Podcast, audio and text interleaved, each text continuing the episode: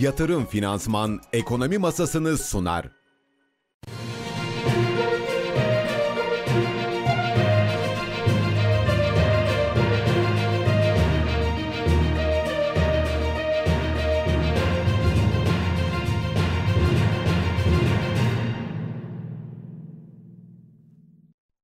Nasıl Ekonomi YouTube izleyicileri günaydın. Tarihimiz 9 Ağustos Çarşamba saatler 7.30'u gösteriyor ama siz hangi gün hangi saatte yayınımızı açtıysanız hoş geldiniz. Ben Berfin Çıpa. Ekonomi Masası'nın ilk yarım saatlik diliyle karşınızdayım. E, dün biliyorsunuz Ankara'nın gündemi yoğundu. Türk, e, TBMM olağanüstü toplandı. 7. dönem kamu toplu sözleşmesi içinde ön müzakereler tamamlandı. Bugün de MGK toplanacak.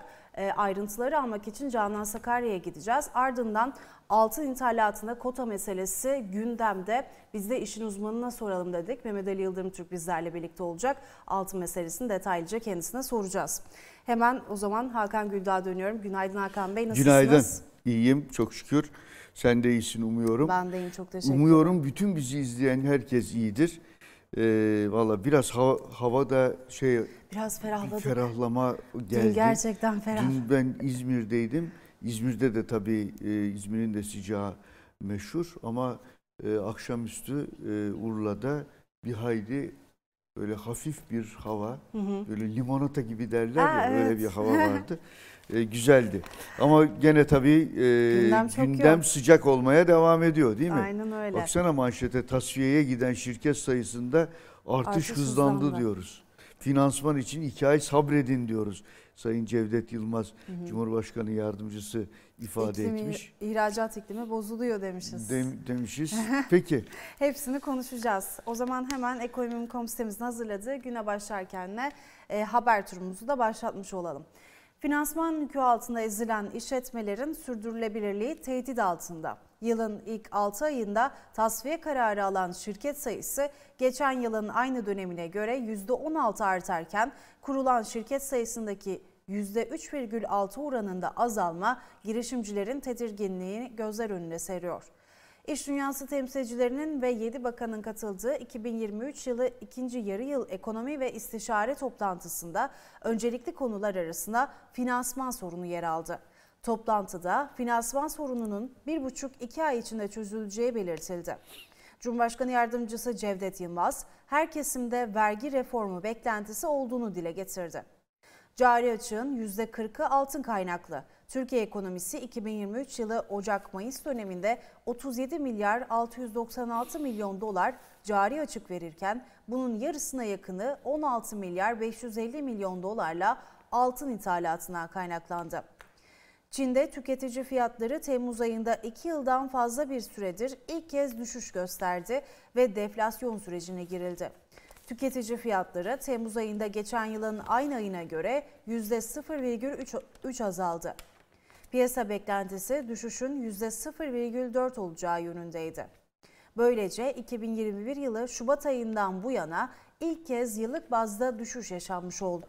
Atlanta Fed, ABD'nin 2000 2023 yılı 3. çeyrek dönemine ilişkin büyüme tahminini yükseltti. ABD ekonomisi için 2023 yılı 3. çeyrek gayri safi yurt içi hasıla tahmini %3,9'dan %4,1'e çıktı. Bugün yurt içi ve dışından önemli bir veri beklenmiyor. Türkiye İstatistik Kurumu Haziran ayına ilişkin kümes hayvancılığı üretimi ile süt ve süt ürünleri üretimi istatistiklerini açıklayacak. Evet anketimiz de gelmiş bu arada. Kredi musluğunda sizin cephede son durum nedir diye sorduk. Hala kapalı, artık akıyor, damlamaya başladı. Hem az hem pahalı. Yanıtlarınızı ve katılımlarınızı bekliyoruz. Evet, biz, herkes finansmana erişimi konuşurken Kesinlikle. tabii bizim de ankette bunların üzerine gitmemiz e, son derece doğal. Bakalım bizi izleyenler e, bu konularda neler düşünüyor. Çünkü gerçekten dünkü İzmir'deki toplantıda da e, ben e, hissettim. Yani biraz farklı durumlar var. Yani herkes için durum aynı değil. E, Sektörel anlamda mı? sektörel anlamda da var. Ee, yani ama daha çok şirketler bazında farklılıklarda olduğunu anlıyoruz. Ee, kimisi gerçekten pahalı buluyor. Ee, öz kaynaklarıyla bu işi sürdürmeye Hı. çalışan, finansmana erişim peşinde pek olmayan kesim var ama e, genel itibariyle finansmana erişim sorununun kalkmadığını ortadan söylemek mümkün ki e, Sayın Cevdet Yılmaz da biraz önce sen de okudun. İki Zaten bunu bir anlamda kabul ediyor ve diyor ki ya bir iki ay, bir buçuk iki ay bir beklemek lazım. Rahatlayacak o zaman diyor. Ama neye göre rahatlayacak? Onu tam olarak e, şu anda henüz kavrayabilmiş değiliz. Böyle bir temennimiz var. Peki şimdi Canan Sakarya hazırmış ama Cevdet Yılmaz'ın açıklamalarından e, biraz daha detay verelim mi? Tabii. E, Eylül'de paylaşacağımız OVP'nin önemli bir işlev göreceğini düşünüyoruz dedi. OVP'yi merakla bekliyoruz. E, doğru politikalar izlenmesi gerektiği konusunda anlayış birliği var dedi. Bütçe açığının azalması için kamuda harcama tedbirlerinin alınması çok önemli dedi. Vergi konusunda reform beklentisi var. Finansmana erişim az önce sizin de bahsettiğiniz gibi ihracat yatırımı ve üretimi artıracak noktalarda sıkıntı bulunmuyor açıklaması vardı. E, iki ay sabredin dedi Cevdet Yılmaz. Para ve maliye politikalarının yanı sıra yolumuza yapısal reformlarla devam edeceğiz. Önümüzdeki süreçte özel ve kamu olarak bir araya gelmeye de devam edeceğiz Evet. açıklamaları vardı. Yani tabii bunların her birisiyle ilgili e, sen söyledikçe benim aklıma bir şeyler geliyor. Mesela ne geldi? Vergiyle ilgili reform. Gerçekten bu yıllardır böyle bir beklenti var ama e, bununla ilgili ne çalışma yapılıyor derseniz e, gördüğümüz kadarıyla dün de biraz e, yine konuşulan bir konuydu. Emlak vergisi yeniden düzenlenecek gibi görülüyor. Yeniden değerleme üzerinden e, yani e, bir yeni emlak vergisi düzeni üzerinde çalışılıyor. Detaylara biz de bakıyoruz. Evet. Muhtemelen herkes bakıyor olacak.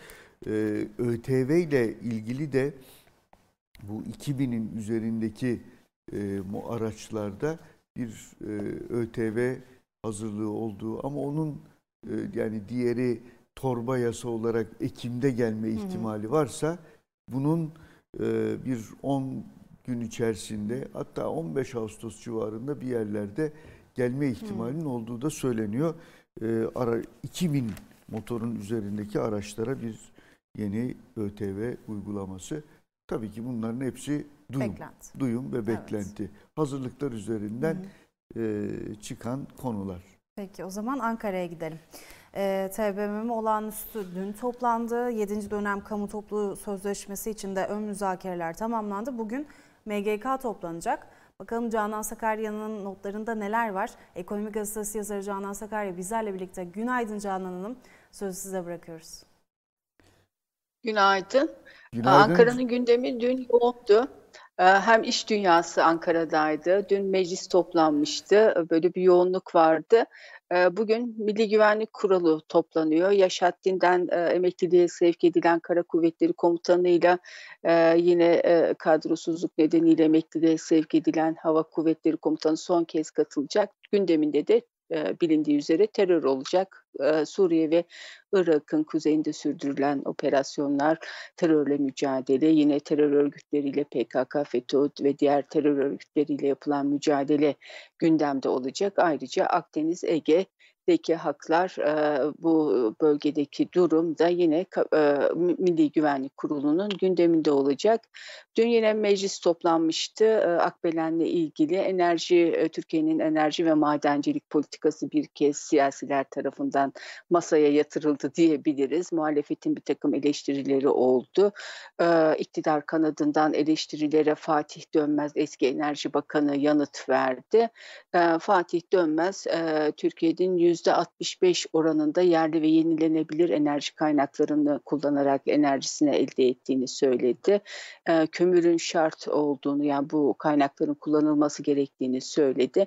Eğer bunu kullanmazsak her üç lambadan birini, her üç tezgahtan birini kapatmak zorunda kalırız. Günün 8 saati elektriksiz geçer dedi. Yine bu maden alanlarının rehabilite edilerek işte zeytinliğe çevrildiğini, buradan getirilen yetişen zeytinlerden elde edilen yağların hem köylülere hem milletvekillerine gönderildiğini söyledi. Tıka böyle kapsamlı bir sunum yaptı ve Türkiye'nin işte dış ticaret açığında enerjinin yerine önemine dikkat çekti. Buradaki olaylara ilişkin de değerlendirmeleri vardı. Buraya işte ruhsatsız silahlarla sahte sahte kimliklerle gelenler bulunduğunu söyledi. Bu Cumhurbaşkanı'nın marjinal gruplar e, sözü vardı kabinede. Bu gündeme geldi tabii muhalefet tarafından. Biz bunlara marjinal demeyelim de ne diyelim şey, e, şeklinde değerlendirmelerde bulundu.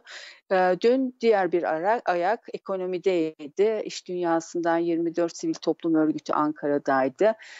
Cevdet Yılmaz ve 6-7 bakanın katıldığı bir toplantı yapıldı. Biraz evvel de bahsettiğiniz gibi bir buçuk iki ay içerisinde finansman sorununun çözülmesi noktasında bir söz aldılar ekonomi yönetiminden. Diğer önemli başlık da ekonomi, vergi reformuydu. Bu uzun zamandır yani bir, bir buçuk aydır Cevdet Yılmaz bu konuyu görüştüğü kesimlerden de e, gelen talepler doğrultusunda e, bir ta, e, dile getiriyor. E, burada özellikle dolaylı e, vergilerin yüksekliği e, noktasında şey var, e eleştiriler var. Bir sadeleştirme, e, bir yeniden tabana yayılması, yeniden ele alınması, bir e, bir reform talebi var. Bunu dile getirildi. Kabine toplantısı sonrasında da Cevdet Yılmaz'ın pazartesi yaptığı açıklamalar vardı. Dün bunlar da gündemdeydi. Cevdet Yılmaz Cuma günü orta vadeli program kapsamında Cuma günü finans kesimiyle İstanbul'da İstanbul Finans Merkezi'nde bir araya geleceğini dile getirdi. diğer bir toplantının ise Odalar Birliği ile yapılmasının planlandığını, Odalar Birliği'nin organizasyonuyla bütün illerdeki temsilcilerin Ankara'da toplanması ve gerekirse gün boyu sürecek bir toplantı planlandığını belirtti. Dün yine iş dünyasıyla yapılan toplantıda sadece finans sorunu değildi tabii. Sanayinin arazi sorunu, mesleki eğitim sorunu, bütün bunlarda işte konut arzında yaşanan sorunlar, bütün bunlar tüm boyutlarıyla konuşuldu, dile getirildi. Genel hatlarıyla dün Ankara'nın gündemi böyleydi. Çok teşekkür Çok ediyoruz. Çok teşekkürler Canan Sakarya. Size de kolaylıklar diliyoruz. Şimdi ben e, günaydın mesajları da bu arada gelmeye başladı. Saat kurduk, kalktık geldik yine diyen izleyicilerimiz de var. Çok teşekkür ederiz bizi yalnız bırakmadığınız için. Bu arada program bittikten sonra da bir yere ayrılmıyorsunuz. Spotify'dan tekrar dinlenebiliyor kaçırdıysanız tabii. eğer canlı yayın Spotify'dan da dinleyebilirsiniz. Onu da aktaralım hemen. E, dünkü rakamları ben birazcık e, aktarmak istiyorum. Sizden de yorumlarınızı rica edeceğim. İhracat iklimi bozuluyor. 3 aydır düşüşte. İstanbul Sanayi Odası Türkiye İmalat Sektörü İhracat İklimi Endeksi dış talepteki olumsuz koşulların etkisiyle Temmuz ayında da düşüş gösterdi. Temmuz'da 50,3'e gerileyen endeks böylece üst üste 3. kez aylık bazda azalma kaydetti. İhracat iklimi endeksi vardı. Öte yandan e, metal sanayi ihracat endeksi Temmuz'da yükseldi. Hı. İdmip Türkiye Metal Sanayi İhracat Endeksinin Temmuz ayı sonuçlarını duyurmasıyla Haziran'da 118,13 olan endeks Temmuz'da 119,05'e yükseldi. Ee, bunun yanı sıra bir diğer rakamsa Türkiye çelik üretiminde Avrupa'daki liderliğini kaybettiğine ilişkindi. E, Türkiye 2020 ve 2021 yıllarında dünyanın en büyük 7. ve Avrupa'nın en büyük çelik üreticisi ünvanını 2022 yılında kaybetti. E, KPMG Türkiye tarafından hazırlanan Çelik Sektörel Bakış 2023 raporuna göre Türkiye geçen yıl birer sıra gerileyerek dünyadaki en büyük 8. çelik üreticisi konumuna gerilerken Avrupa'daki liderliğini Almanya'ya kaptırdı. Raporda ayrıca Hindistan'ın önümüzdeki yıllarda hem yurt içi hem de Asya pazarında Türk üreticiler için önemli bir rakip olmasını beklendiği üzerinde duruldu. Hı hı. Şimdi bütün bunları ben e, bir de sizin e, köşe yazınız vardı e, geçtiğimiz 31 Temmuz'da kaleme aldınız. Burada gümrük birliğine aslında dikkat çekiyorsunuz. E, Gümrük Birliği'nin güncellemesi artık hem karbonsuzlaşma hem dijitalleşme demek. Bu da Gümrük Birliği'nin 96'da yapılan mevcut düzenlemesinin çok farklı biçimde modernize edilmesi anlamına hı hı. geliyor. Ticaretin artık dijital bir omurga üzerine oturduğu ve yeşil mutabakata dayalı yeni standartlara göre biçimlendiği bir dünya başka türlüsü mümkün değil. Gümrük Birliği'nin metal ihracatçıları müzeden çıkarılmasına öncülük etmeli hı hı. Ee, başlığınızda vardı. Bütün bu rakamları siz nasıl değerlendirirsiniz? Valla çok kısaca söyleyeyim. Şimdi ihracat iklim endeksindeki bozulma zaten Avrupa'nın ve aslında Amerika'nın da e, ekonomilerinin yavaşlaması nedeniyle e, son derece doğal. e, yani bakıyoruz Çin'inki de e, dün de konuştuk. Evet. Orada da ihracatta ciddi bir düşüş var. %14,5 gibi. İthalatta da %12'nin üzerinde bir düş- düşüşü var Çin'in. Yani bu e, iklimde zaten bir bozulma oldu.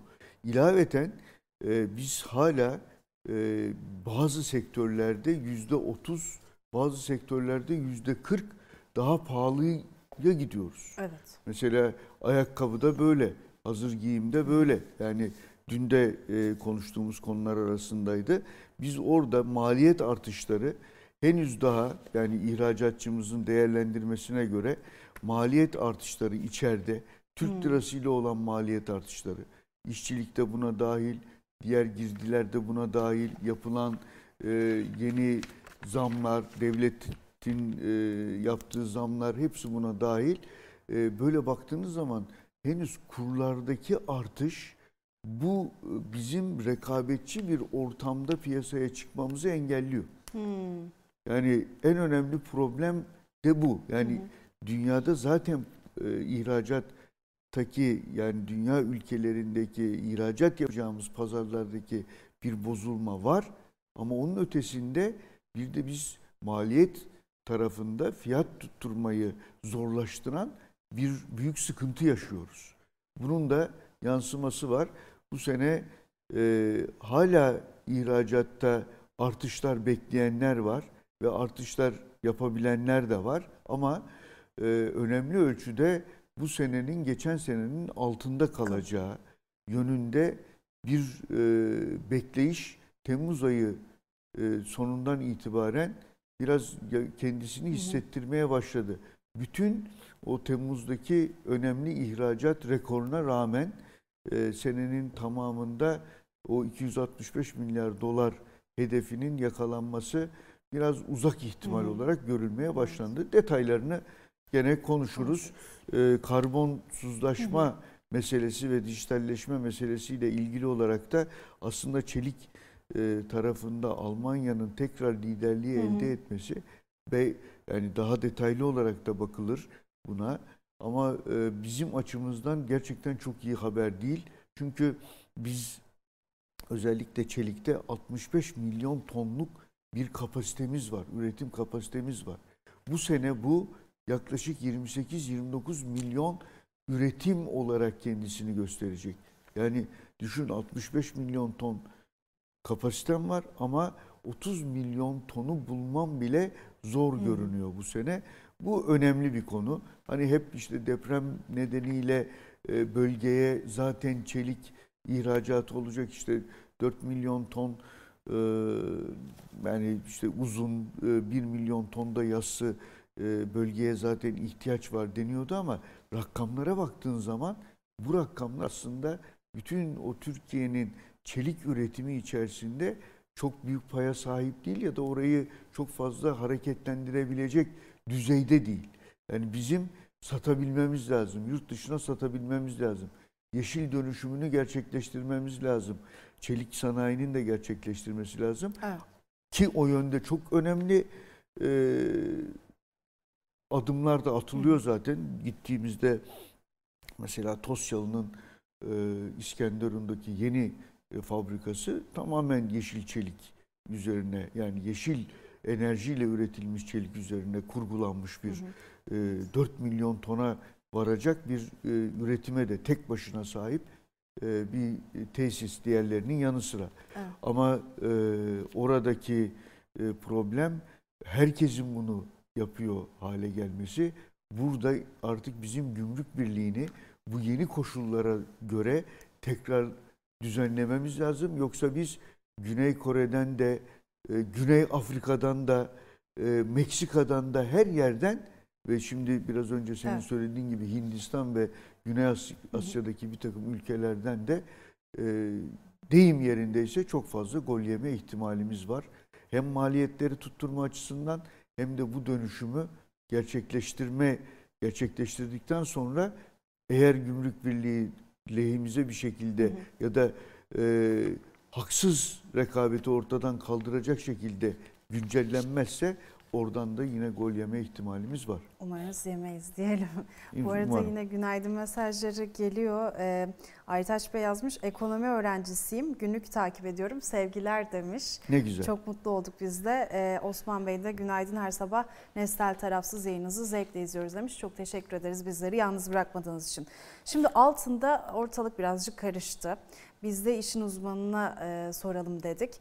E, Mücevherciler, Kuyumcular ve Sarraflar Derneği Başkan Yardımcısı Mehmet Ali Yıldırım Türk bizlerle birlikte. Mehmet Ali Bey günaydın, hoş geldiniz yayınımıza. Günaydın Berfin Hanım, günaydın Hakan Bey, hoş buldum, iyi yayınlar Günaydın- diliyorum. Günaydın üstadım. Sizde Yayınlar tabii gayet güzel şapka gidiyor. Ben çok. de her gün Evet. izliyorum sizi. Sağ olun, Çok var olun. Sağ teşekkür ederim. Sizde şapka çok diyorum. Şimdi e, en son bir şey daha söyledim. Evet. Mücevherciler, Kuyumcular ve Sarraflar Derneği Başkan İşte. Yardımcısı. Ee, Şimdi Mehmet Ali Bey dün telefonla sizinle de konuştuk. Yani e, bu konuyu birazcık Evet. bizim için aydınlatmanızı rica edeceğim ben. Bu altındaki e, uygulaması cari açık ve üzerindeki olumsuz etkileri azaltmak amacıyla e, gündeme getirildi.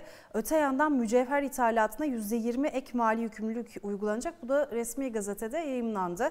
E, Şimdi tüm bu gelişmeler beklenildiği gibi cari açık üzerinde olumlu bir etki yaratır mı yoksa kayıt dışılık artar mı? Öte yandan bu mücevhere gelen %20'lik kotanın gümrük birliği anlaşması da sanırım kapsamın içinde farklı noktaları var. E, Bu konuyu biraz aydınlatmanızı rica edeceğim sizden. Şimdi özellikle e, altın ithalatı konusunda e, kota getirileceği henüz kesinlik, kesinlik kazanmadı ama söylemleri bile piyasayı etkiledi. Yani e, zaten dış piyasadan e, bir miktar ayrışmıştık fiyat olarak. 10 e, kilogram dolar bazında 250 dolar daha yüksekten satılıyordu içeride. Bunu artık kanıksamıştı piyasa. Normal görüyordu. Ee, ama şimdi böyle bir e, karar alınmasıyla beraber veyahut da böyle bir lafın e, veya haberin çıkmasıyla beraber e, bu farkın 1500 dolara çıktığını görüyoruz. Yani e, dışarıdaki altın e, fiyatıyla kilogram doları hesap ettiğimizde e, şu anda e, 61.750 dolar tutuyor bir kilo altın. Ama e, piyasada işlem gören fiyat 63.350-63.500 e, dolar civarında. Yani 1500 dolarlık böyle bir fark oluşmaya başladı. Ama bu fark e, daha önce neydi onu da inceleyecek olursak e, yılbaşından e, Mayıs'taki seçime kadar e, zaman zaman Merkez Bankası ithalatı azaltmak için e, kendi bünyesinden altın sattığı bir dönem yaşadık. O zaman da altının onsundaki e, fark e, 100 dolar daha içeride yüksekti ve 3300 dolarlık kilogram dolar bazında bir fark vardı. E, fakat o zaman dolar TL daha düşük olduğu için gram fiyat olarak da bugünkü fiyatın daha altındaydı buna rağmen. İşte e, 1100, 1200, 1350 gibi böyle rakamlardaydı. Ama şimdi e, bu be- 1500 dolarlık farkla beraber altının e, içerideki fiyatı 1725-1730 TL seviyesinde. E, tabii bu şekildeki bir kararın e, bir taraftan da itha- ihracatçıyı da olumsuz etkilemesi söz konusu olabilir. E, çünkü ihracatçı e, ham maddeyi daha pahalı alırsa bu sefer ürettiği ürünün e, rekabet şansı piyas- yani dünya piyasalarındaki rekabet şansı azalabilir. Çünkü zaten Türkiye dünyada altın ithalatın altın ihracatında yani daha doğrusu mücevher ihracatında ikinci sırada. E, dolayısıyla böyle bir dezavantaja dönüşebilir. Ama bunun için daha önce Merkez Bankası şöyle bir karar almıştı. İhracat yapan firmalar e, Türkiye İhracatçılar Meclisi e, mücevher e, e, İhracatçılar Birliği'ne üye olmasa bile bir firmaya üye olmak üzere şimdi reklamı e, olmasın o firmanın ismini söylemeyeyim. E, o firmaya e, üye olmak kaydıyla e, ihraç ettiği miktar kadar Merkez Bankası'ndan sadece Londra Metal Borsası'nın fiyatının 8 dolar üstünde bizden altın alabilirsiniz denilmişti. Bu hala geçerli mi? Bu konuda bir açıklık getirilmiş değil. Eğer bu geçerli olursa o zaman ihracatçı e, bu konuda çok fazla mağdur olmaz. Ama içeride e, talep arttığı e, sürece çünkü enflasyonun düşmeyeceği beklentisi hakim şu anda piyasada ve vatandaş da bu şekilde hareket ediyor ve 3-5 kuruşu da olsa tasarruf için altın alıyor. Bu altın alımlarının bu sene oldukça yoğun olduğunu gözledik. İşte geçen sene Haziran'dan beri e, ve e, 102 ton e, Merkez Bankası biraz önce bahsettiğim koşullarda sattı. 182 ton da ithal edilmiş durumda Temmuz e, ayı itibariyle. Dolayısıyla e, 382 ton e, civarında bir ithalat yapılmış durumda. Bu 2017 senesine yaklaşmış durumda. O zaman da e, 2, 396 tondu yan, yanılmıyorsam. O rakama yaklaşmış durumda. E, aslında altına kota ithalatına kota getirmek yerine bana göre altın alımını e, engelleyecek veyahut da e, gerektirmeyecek koşulları e, iyileştirmek gerek. Yani enflasyonu siz düşeceği beklentisini vatandaşta oluşturursanız ki biz bunu e, 2006'larda 2005'lerde enflasyonun 4.6'ya geldiği dönemde e, biz tabiri caizse e, çarşıda e, tavla oynuyorduk. Yani işler o kadar durgundu. Kimse altın almıyordu. Hatta e, altını satanlar bile vardı. Böyle bir ortamın bir an evvel geliştirilmesi gerekir ki altın ta, ta, e, talebi olmasın. Ama enflasyon yükseldikçe her gün zam geliyor hala işte. Öyle olunca da vatandaş arasının değerini korumak için yani altından para kazanmak için değil değerini korumak için altın aldığının e, hani gözden kaçırılmaması gerekir. Bu zaten bir seneden beri ben bütün yorumlarımda vatandaş altın alıyor diye e, sürekli e, bilgi veriyordum e, müşteri davranışları itibariyle. E, ama e, ne yazık ki e, iyileştirme olmayınca, belirsizlik artınca vatandaş altına yöneldi. Altın dış piyasalarda aslında düşük. Çünkü 2011 yılında 1923 dolarla tüm zamanların en yüksek seviyesine ulaşan altının hala şu anda 1930 dolarlarda 20 25 dolarlarda olmuş olması yani 12 seneden beri altının dış piyasalarda yükselmediğini gösteriyor. Ha, e, bu sene 2075 dolara kadar yükseldik ama o da kalıcı olmadı. Ama bundan sonra yükselir mi? Evet öyle bir beklenti de var. Onun için de biraz alımların olduğunu görüyoruz. Diğer taraftan mücevher e, ithalatındaki e, özellikle yüzde yirmi e, kota şey getirilmesi, vergi getirilmesi bir bakıma doğru olabilir. E, ama bunun da gümrük birliğine dahil İtalya'dan e, uygulanmayacak olması e, zaten ürünlerin daha çoğu İtalya'dan geliyor. O bakımdan İtalyan ürünlerini siz bunu uygulayamayacağınıza göre e, Hindistan'dan gelen ürünler zaten 22 ayar olduğu için fiyatı yüksek olduğundan onu alacak olan e, kişilerin bunu ödemesi gayet e, normal. E, diğer taraftan Dubai'den, e, Birleşik Arap Emirlikleri'nden gelen ürünler de oluyor. E, bunlar için e, hani belki geçerli olacak bu ama bunun da piyasada çok fazla bir etkisi olacağını düşünmüyorum. Çünkü hala içeride üretilen ürünün bile e, satışının iç piyasa itibariyle zor olduğunu, fiyatların çok yüksek olması nedeniyle daha düşük gramajlı ürün tercih edildiğini bilhassa şu anda yaşadığımız düğün mevsiminde bunu görüyoruz. Dolayısıyla evet. bunun da çok fazla bir e, etkisi olacak kanaatinde değilim. E, bunun yanında yarım gram altını e, basmayı e, durdurdular. Evet. Aslında yarım gram altın e, takı için e, fiyatlar çok yükseldiğinden e, özellikle de tercih edilen bir altın e, oluyordu vatandaş tarafından. E, bunun için bunun e, sınırlamasının neden gerektiğini anlayamadım. Aslında talebin düşük olduğu zaman da artık bu üretilmesin yani satılmıyor zaten gibilerden bir yaklaşımla bunun sınırlaması daha doğru olurdu. Bu bakımdan e, bu alınan kararlar bizim sizin sözünüzün başında başladı, e, söylediğiniz gibi piyasalarımızı karıştırdı. Peki. Evet. Yani yarım gram hakikaten ben de çok çözemedim. Çünkü hı hı. yani sonuçta bir grama zorlamak daha mı doğru? Yani insanlar takıyor zaten bunu takmaya çalışıyorlar. Ee, yani bir yerde bir altın verilecek.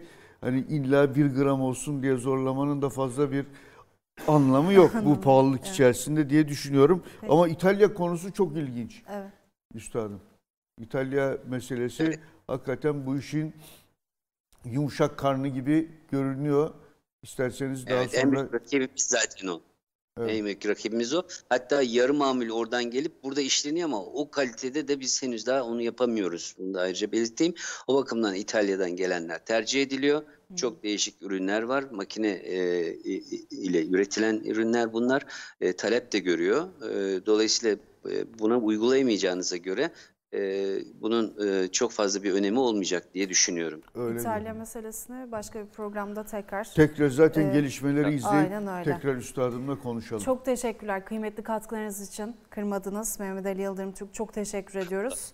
Mücevherciler, Kuyumcular ve Sarraflar Derneği Başkan Yardımcısı Mehmet Ali Yıldırım Türk bizlerle birlikteydi.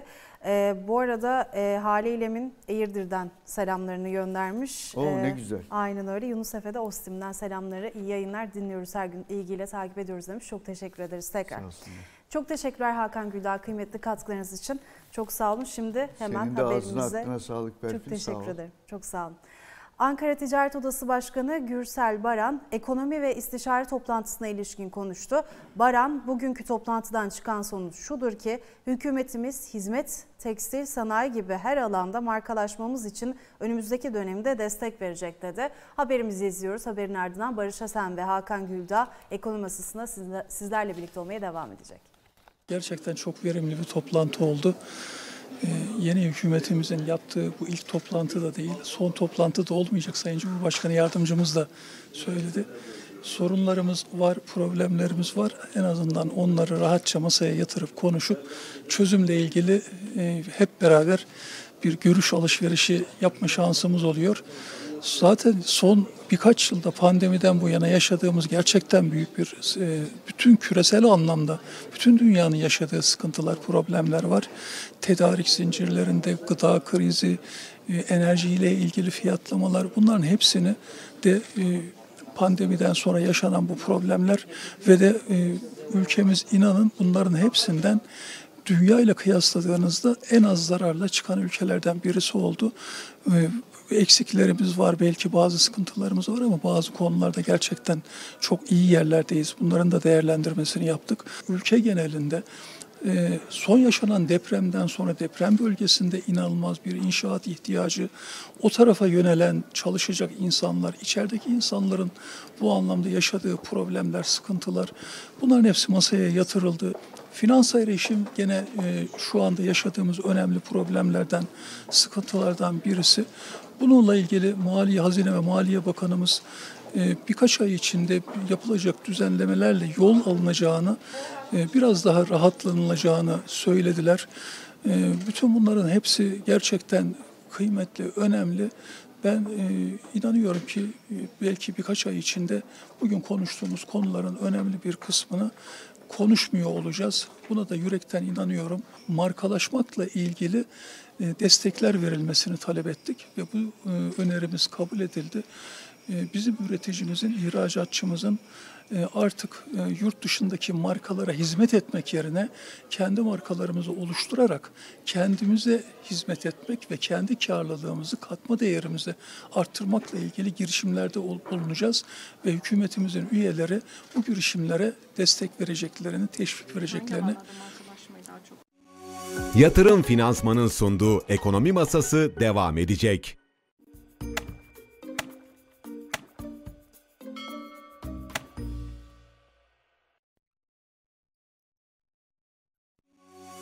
Yatırım Finansman'ın sunduğu Ekonomi Masası devam ediyor. Efendim herkese günaydın. Ekonomi masasında bu sabahta birlikteyiz. Günlerden çarşamba haftayı ortalamak üzereyiz. Gün başladı muhtemelen. Hani başladı mı biter hikayesiyle biz de programımızı başlatmış bulunuyoruz. Ee, Hakan abi hoş geldin. Hoş bulduk Barış'cığım. Enerjine hayranım abi. Estağfurullah abi. Kaç saatlik uykuylasın? Söyle de izleyicilerimiz bilsinler. Şimdi burada böyle canlı kanlı duruyorsun ama yani nasıl duruyor bence? Yok Ve ya. günü de devam edecek bu arada. Tabii tabii devam edecek. Sıkıntı yok bence. Yani Söyler dün misin? İzmir'deydik. Hı. ve 4 sabah 4 gibi geldik. Bu sabah 4. Dört- Bu sabah 4 gibi geldik. Maşallah. Dinleniriz bir ara Barış'cığım. Şimdi çalışma zamanı çalışalım. Sonra nasıl olsa bir ara dinleniriz. Vallahi helal olsun. Ama bu e, şey bizi biraz üzdü. Şimdi Vahap Munyar da yazmış. Evet Vahap abi de Şeyde- yazmış. Biz Ruhi Sanyer arkadaşımıza bu geçen e, yabancılarınla Mehmet Şimşek ve Gaye Erkan'ın toplantısında biraz o e, GP Morgan'cıların e, Ruhi Sanyer'e karşı yaklaşımı yani kabul edilebilir bir yaklaşım değil, bir tutum değil. Öyle görünüyor. Şöyle yani Vahap Munyar'ın yazdı. JP Morgan Genel Müdürü ve Müdürler Kurulu üyesi Mustafa Bağrı Açık Ruhu Sanyeri görünce sinirli bir şekilde yüksek sesle kimsin burada ne yapıyorsun demiş. Sonra da güvenlik görevlilerine götürün bunu demiş Yani gazeteciye. bu şimdi iş değil yani. O da dışarıda yani kapalı toplantı tamam da hani dışarıda duruyormuş o. Herkesin olduğu lobide falan duruyordur muhtemelen. Yani evet yani toplantının içine ben gireceğim diye bir ısrarı yok, bir şey yok yani. Oteli parsellediler mi ya da böyle bir şey olamaz. Ee, ben doğrusu çok e, ayıpladım. Yani kınanacak bir şey bu. Zaten Ekonomi Gazetecileri Derneği de bu konuda e, bir şey e, Sevgili Recep de evet, yazdı Recep bunu. Erçin de yazmış. EGD Başkanı. Ruhiye geçmiş olsun diyelim Geçmiş o zaman olsun. ama yani böyle şeyler kabul edilebilir işler değil yani herkesin bir kendini toplaması lazım, bir kendine gelmesi lazım. Yani kimi kimin neresinden kovuyorsun ya? Aynen öyle. Gazeteci sonuçta kamu görevi yapıyor. Kamu görevi abi. yapıyor. Yani o toplantıdan bilgi almak için de e, bununla ilgili çalışma yapıyor da yapıyorsa da bu bir suç değil ki. Zaten bizim işimiz haber alıp haber vermek. Aynen öyle. Vatandaşlara haber aktarmak. Ondan sonra Neyse. masa başı haberciliği oluyor. Ondan sonra yalanlamak zorunda kalınıyor. Evet. E, oraya gitmiş değil mi? Gazeteci. İşte büyüğümüz bayağı da değil mi? Tabii canım Tecrübeli tabii tabii, tabii. Ruhi Ondan baba sonra.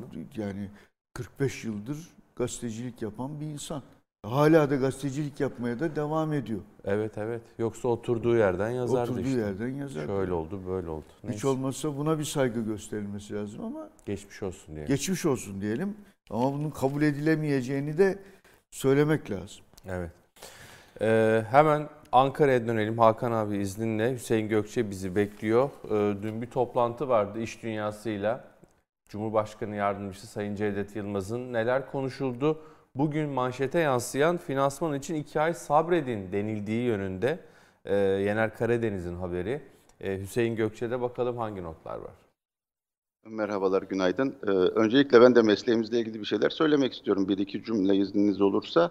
Yani bu aslında sadece bugünün ya da dünkü toplantıya özel bir konu değil. Ee, yıllardır, özellikle son 15-20 yıldır mesleğe yönelik, gazetecilik mesleğine yönelik veya gazetecilerin yaptıklarına e, olunan rahatsızlığın boyutuna bağlı olarak e, sürekli mesleğe yönelik, biz bunu Ankara'da daha sık e, yaşıyoruz. Yapılan genel bir e, baskı vardı. E, Bunlar da daha çok kraldan çok kralcılık yapmak adına e, uygulanmış bir şey e, gibi görüyorum. Ben de gerçekten hani Vahap abinin de yazısını okuduktan sonra e, çok e, üzüldüm.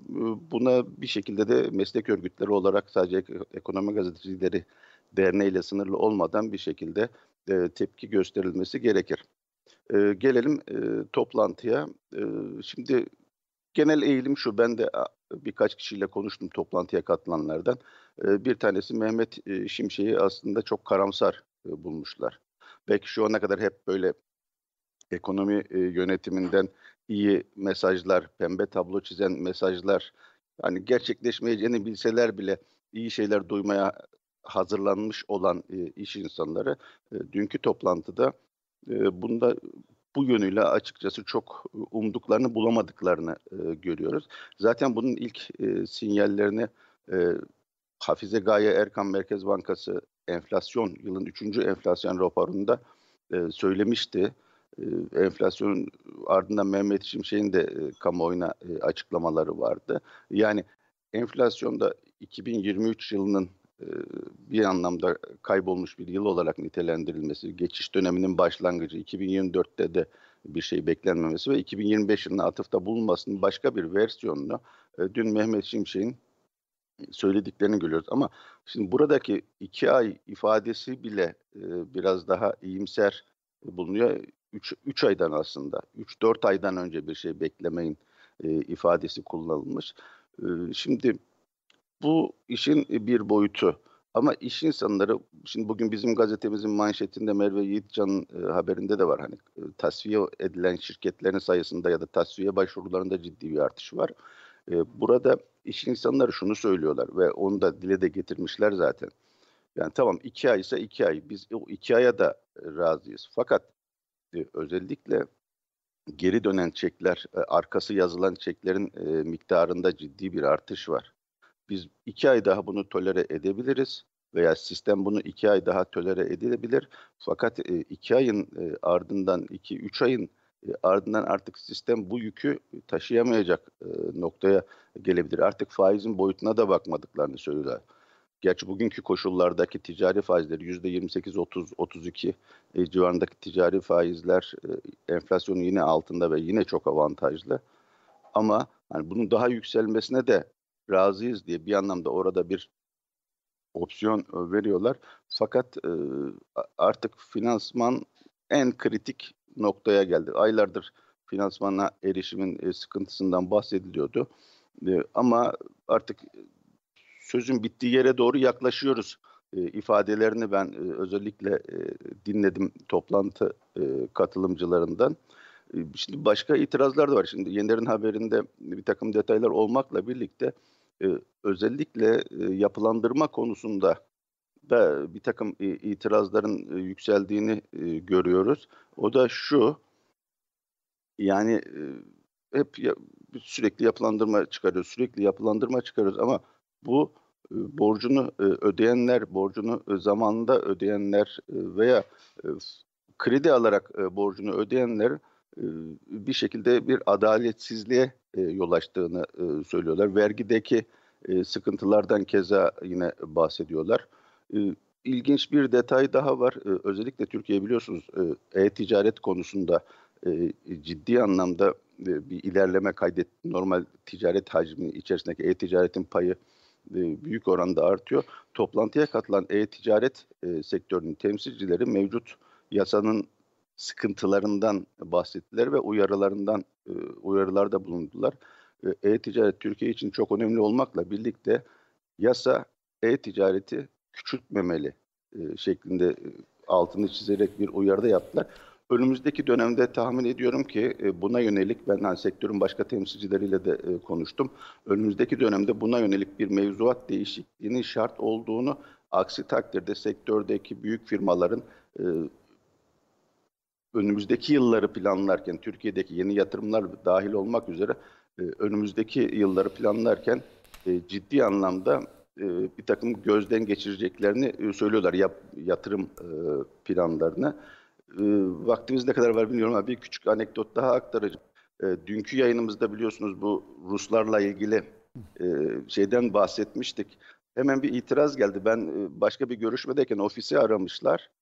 Tekrar konuştuk. Ya şöyle bir yanlış anlayış var. Bakan da bunu yanlış ifade ediyor dediler. Yani Ruslar çok mal gayrimenkul alıyor ve artık turist olarak da gelmiyorlar. Kendi mallar ürünlerine geliyorlar dediler buna itiraz ediyor. Diyor ki eğer diyor Türkiye yapabiliyorsa bunların sayısını artırsın. E, niye e, dediğimizde bir otele gelen e, turistin yaptığı harcamanın yüzde onu yüzde yirmisi e, Türkiye'ye kalıyor. Fakat e, kendi evinde kalan bir Rus'un yaptığı harcamanın tamamı o bölgede kalıyor. Antalya'da kalıyor, Muğla'da kalıyor vesaire. Yani kendi evinde kalan bir turist, otelde kalan turistten en az 4-5 kat daha fazla para harcıyor. Bunu da e, kamuoyuna benim ağzından anlatırsanız sevinirim diye e, bir e, izleyicimizden ve aynı zamanda okurumuzdan e, böyle bir bilgi notu geldi. Onu da paylaşayım dedim. Teşekkür ederiz Hüseyin. 8. sayfada da bugün yine var. Ee, aslında yabancı da ve yerli de diye, yerli ve yabancı turistler kiralık evlere yöneliyor diye. Sadece artık yerli de değil. E, her ikisi birden anladığım kadarıyla. E, burada yine sektör temsilcileriyle Fikri Cinokur'un bir haberi var Antalya'dan. Akdeniz Turistik Otelciler Birliği e, Başkanı Kaan Kavaloğlu'nun açıklamalarını burada yer vermiş. Airbnb Bodrum'da da otellerin doluluğunu etkiledi. Kiralık evler kayıt altına alınsın diyorlar. Ama ben şey katılmıyorum Hakan abi de ifade. İşte otele kalıyor, otelde kalıyor hiç. E, Türkiye bundan işte fayda sağlıyor. Otelde sonuçta tedariğini nereden yapıyor? Türkiye'den yapıyor. Hmm. Nereden yapıyor? Bölge esnafından, işte e, üreticisinden yapıyor ya da işte sanayicisinden e, hizmet sağlayanından neyse o fay, fayda tabii ki sağlanıyor. Şehre e, yani şehrin içine pek gelimediği hep bu işte e, ne, ne deniyor onlara? E, Her şey dahil mi? Her şey dahil.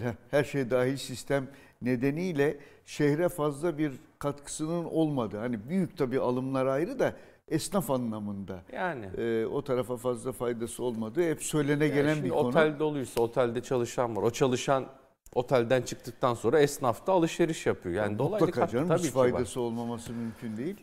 Ama bir başka yani trendin, eğilimlerin farklılaştığını da Doğru. anlatıyor bu durum. Peki Hüseyin çok teşekkürler. Bu valla Ben yaz boyunca ederim. konuşacağız anladığım kadarıyla. Bu Rus turist evde mi kalıyor, otelde mi kalıyor? Ya biraz şu fiyatları Vallahi, fiyatları bir dengelesek de şu turistler do- doğru düzgün gelseler asıl bence problem Ya orada. turist turist değil bize gidemiyoruz. Hakan abi bırak. Kimse Ya gidemiyor. meselemiz Rus turistin gelip gelmiyor. Yani vatandaş da gidemiyor biliyorsun. Asıl meselelerden biri Ama. Barış Bey işte orada sıkıntı şu. E, Yani yabancı e, turistlere 25-30 e, Euro'dan oda satılıyor ama Türkler bunu çok çok daha fazlasından oda satın almak e, zorunda kalıyor. Hatta internet internet ayarlarını yabancı yurt dışına yönelik yapıp da yurt dışı üzerinden Türkiye'den tur satın almaya çalışan e, Türk vatandaşlar, Türkiye'de yaşayan vatandaşlar var. Hayırlısı olsun. Çok teşekkürler Hüseyin. Kolaylıklar diliyoruz. Teşekkürler. Ankara'ya selamlar. Ee, Allah enteresan O turizm. da enteresan. ya her her. Ya işin booking'i falan kapatmışız Hakan abi biliyorsun. evet. Ee, Wise diye galiba bir para transfer sistemi Hı, varmış. var, evet. Bu e, e, ben açıkçası duydum ama kullananlar varmış. Western Union benzeri. Hı. Ona da sınırlama gelmiş bildiğim kadarıyla. Yurt dışı para transferiyle ilgili. Ona niye acaba? Ha yani bu yurt dışına para çıkmasın meselesi. Yani Evet, artık olabilir. e, ondan mıdır başka bir e, bahane, bahane mi vardır açıkçası bilmiyorum. Ben de Nuri Sevgen'den e, bugün bizde yok ama Nuri Sevgen'den hani öğrendim. E, Wise diye uluslararası düşük maliyetli transfer platformuymuş. E, 30 Ağustos'ta önemli değişiklikler ve bayağı bir sınırlama geliyor anladığım kadarıyla. Hmm. Ama bunu sınırlayas yani onu sınırla, bunu sınırla, onu kapat olmuyor işte bu Hmm. işler. Tabii bir e, yerden sonra yerden başka, başka, yerden. bir yeri bozuyor. Aynen öyle Hakan abi. Evet. Ee, ya küresel anlamda bir durgunluk da açıkçası var. Onu da görüyoruz. Dün Çin'in dış ticaret verileri geldi. Ee, Temmuz ayında ihracatta %14,5, ithalatta %12,4'lük bir düşüş var. Çin bayağı bir yavaşlıyor. Çin Evet. yavaşlayınca emtia fiyatları aşağı geliyor. Ee, ihracat iklim endeksi yine bugün gazetenin ilk sayfasında Hakan abi. Burada 3 aydır düşüşte diyoruz. Hı hı. Ya şöyle bir tablo var. Birazdan Ali Ekber Yıldırım'a gideriz ama hem dış talepte bir yavaşlama var hem de biz iç talebi soğutmaya çalışıyoruz. Hı hı. Yani yurt dışındaysa küresel talep zayıflarken bazı gelişen ülkeler işte Brezilya faiz indirimini söyledik. Küresel talep zayıfladığı için iç talebi destekleyecek belki faiz indirimleri yapabiliyorlar. Bizde o imkan maalesef yok. Yok. Biz hani ne derler ters ayakta mı yakalandık denir. Ee, yine yanlış bir tarafta mı kaldık denir bilmiyorum. E şimdi e, Erhan Aslanoğlu hocam da yazmış. İşte mesela o da bir başka boyutuna dikkat çekiyor. Küresel piyasalarda pozitif reel faiz dönemi. E bizde hala işte Burak Saltoğlu hoca birinci sayfada var. E, negatif, Astronomik bir negatif reel faiz. astronomik gerçekten öyle yani enflasyonuna bakarsan böyle. Yani orada bir e, sıkıntı olduğu çok açık. Hep de konuşuyoruz zaten üzerinde ama bu ihracat işini kesinlikle e, ihmal etmemek gerekiyor Barış. Orta vadede de bu geçerli. Uzun vadede zaten bizi esas itibariyle bütün bu tartışmaların dışına çekecek olan ve çok daha olumlu bir zemine getirecek olan cari dengemizi tutturmamız ya da hatta olay, oluyorsa olabilir de bu biraz cari fazla vermemiz. Bütün bu son dönemde kalkanan kalkınan bütün ülkeler gibi. Cari fazla vermeden kalkınan ülke bak şöyle etrafına yok. Zaten kalkınanların son 50 yıla baksan, 30 yıla baksan, 20 yıla baksan hepsi Pasifik'ten çıktı ve onların da hepsi cari fazla vererek gidiyorlar.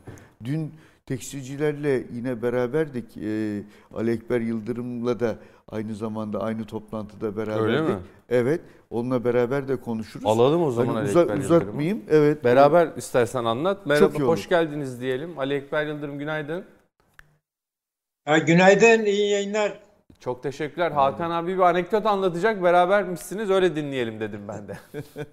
Yok şeyde bizim e, Emre Alkin hocam da vardı, Handan Sema Ceylan da vardı.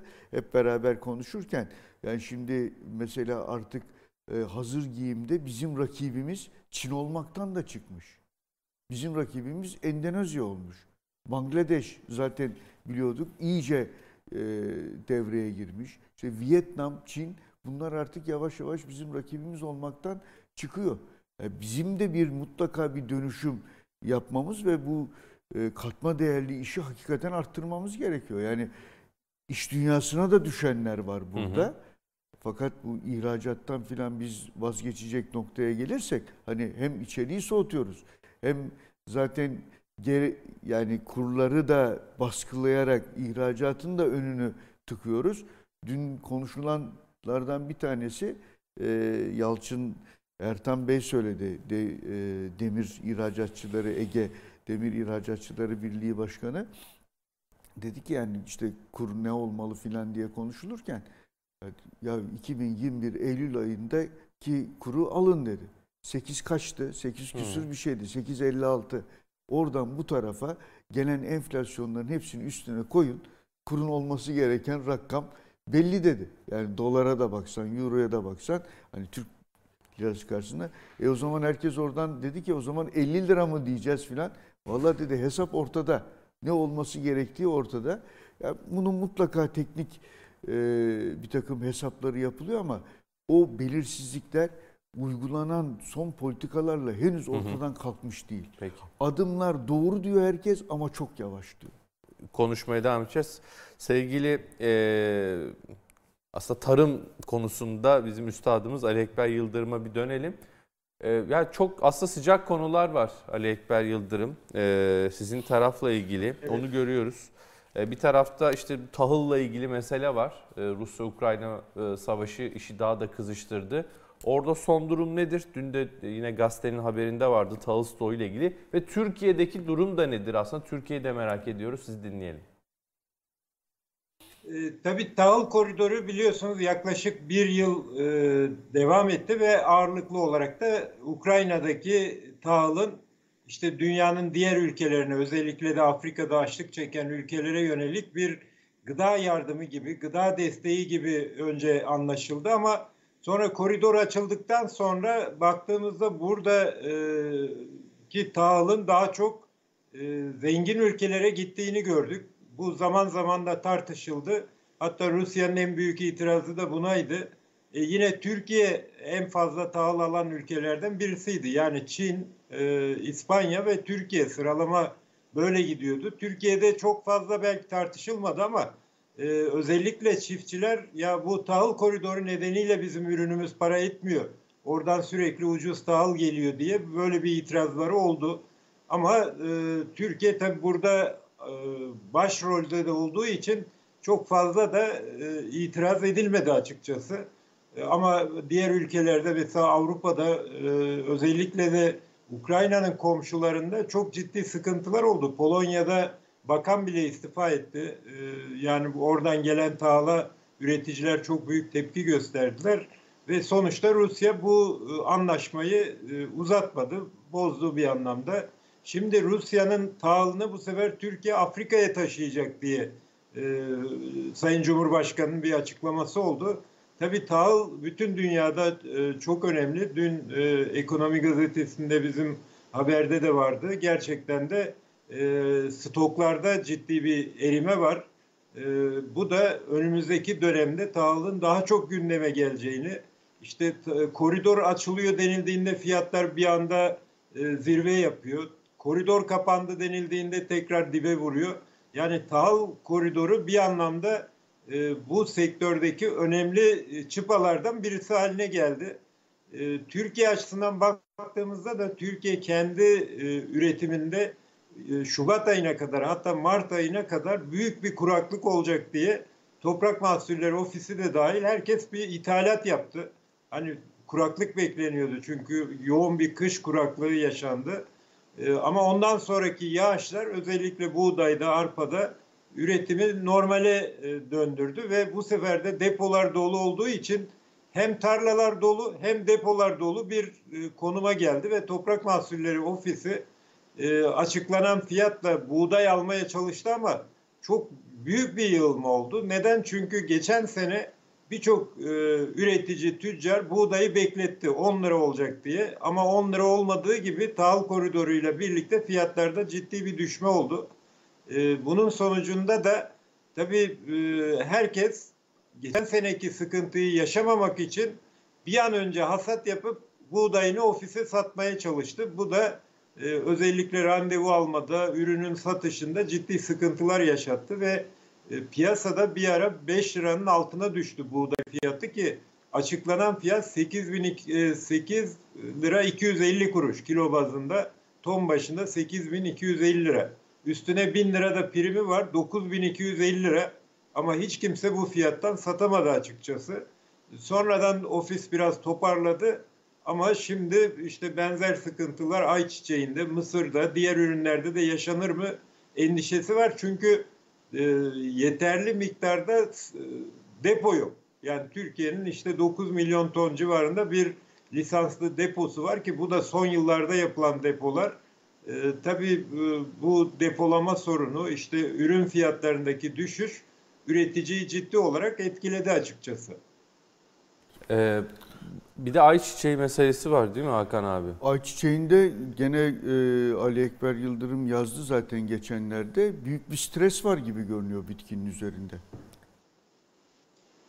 Evet, ayçiçeğinde de şöyle bir sıkıntı var. Tabii e, baharda hani söylediğim gibi Mart, Nisan gibi yoğun yağışlar olunca ayçiçeği ekimi gecikti zaten. Yani normal zamanına göre gecikti.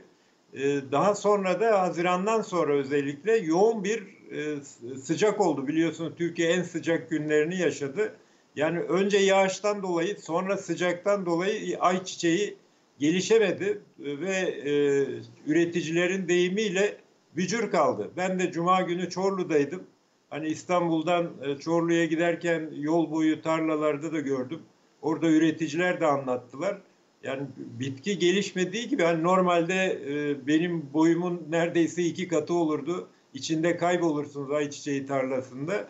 Ama şimdi benim gördüğüm birçok tarlada hani neredeyse belime kadar ancak gelecek. Yani bir metrenin biraz üzerinde belki.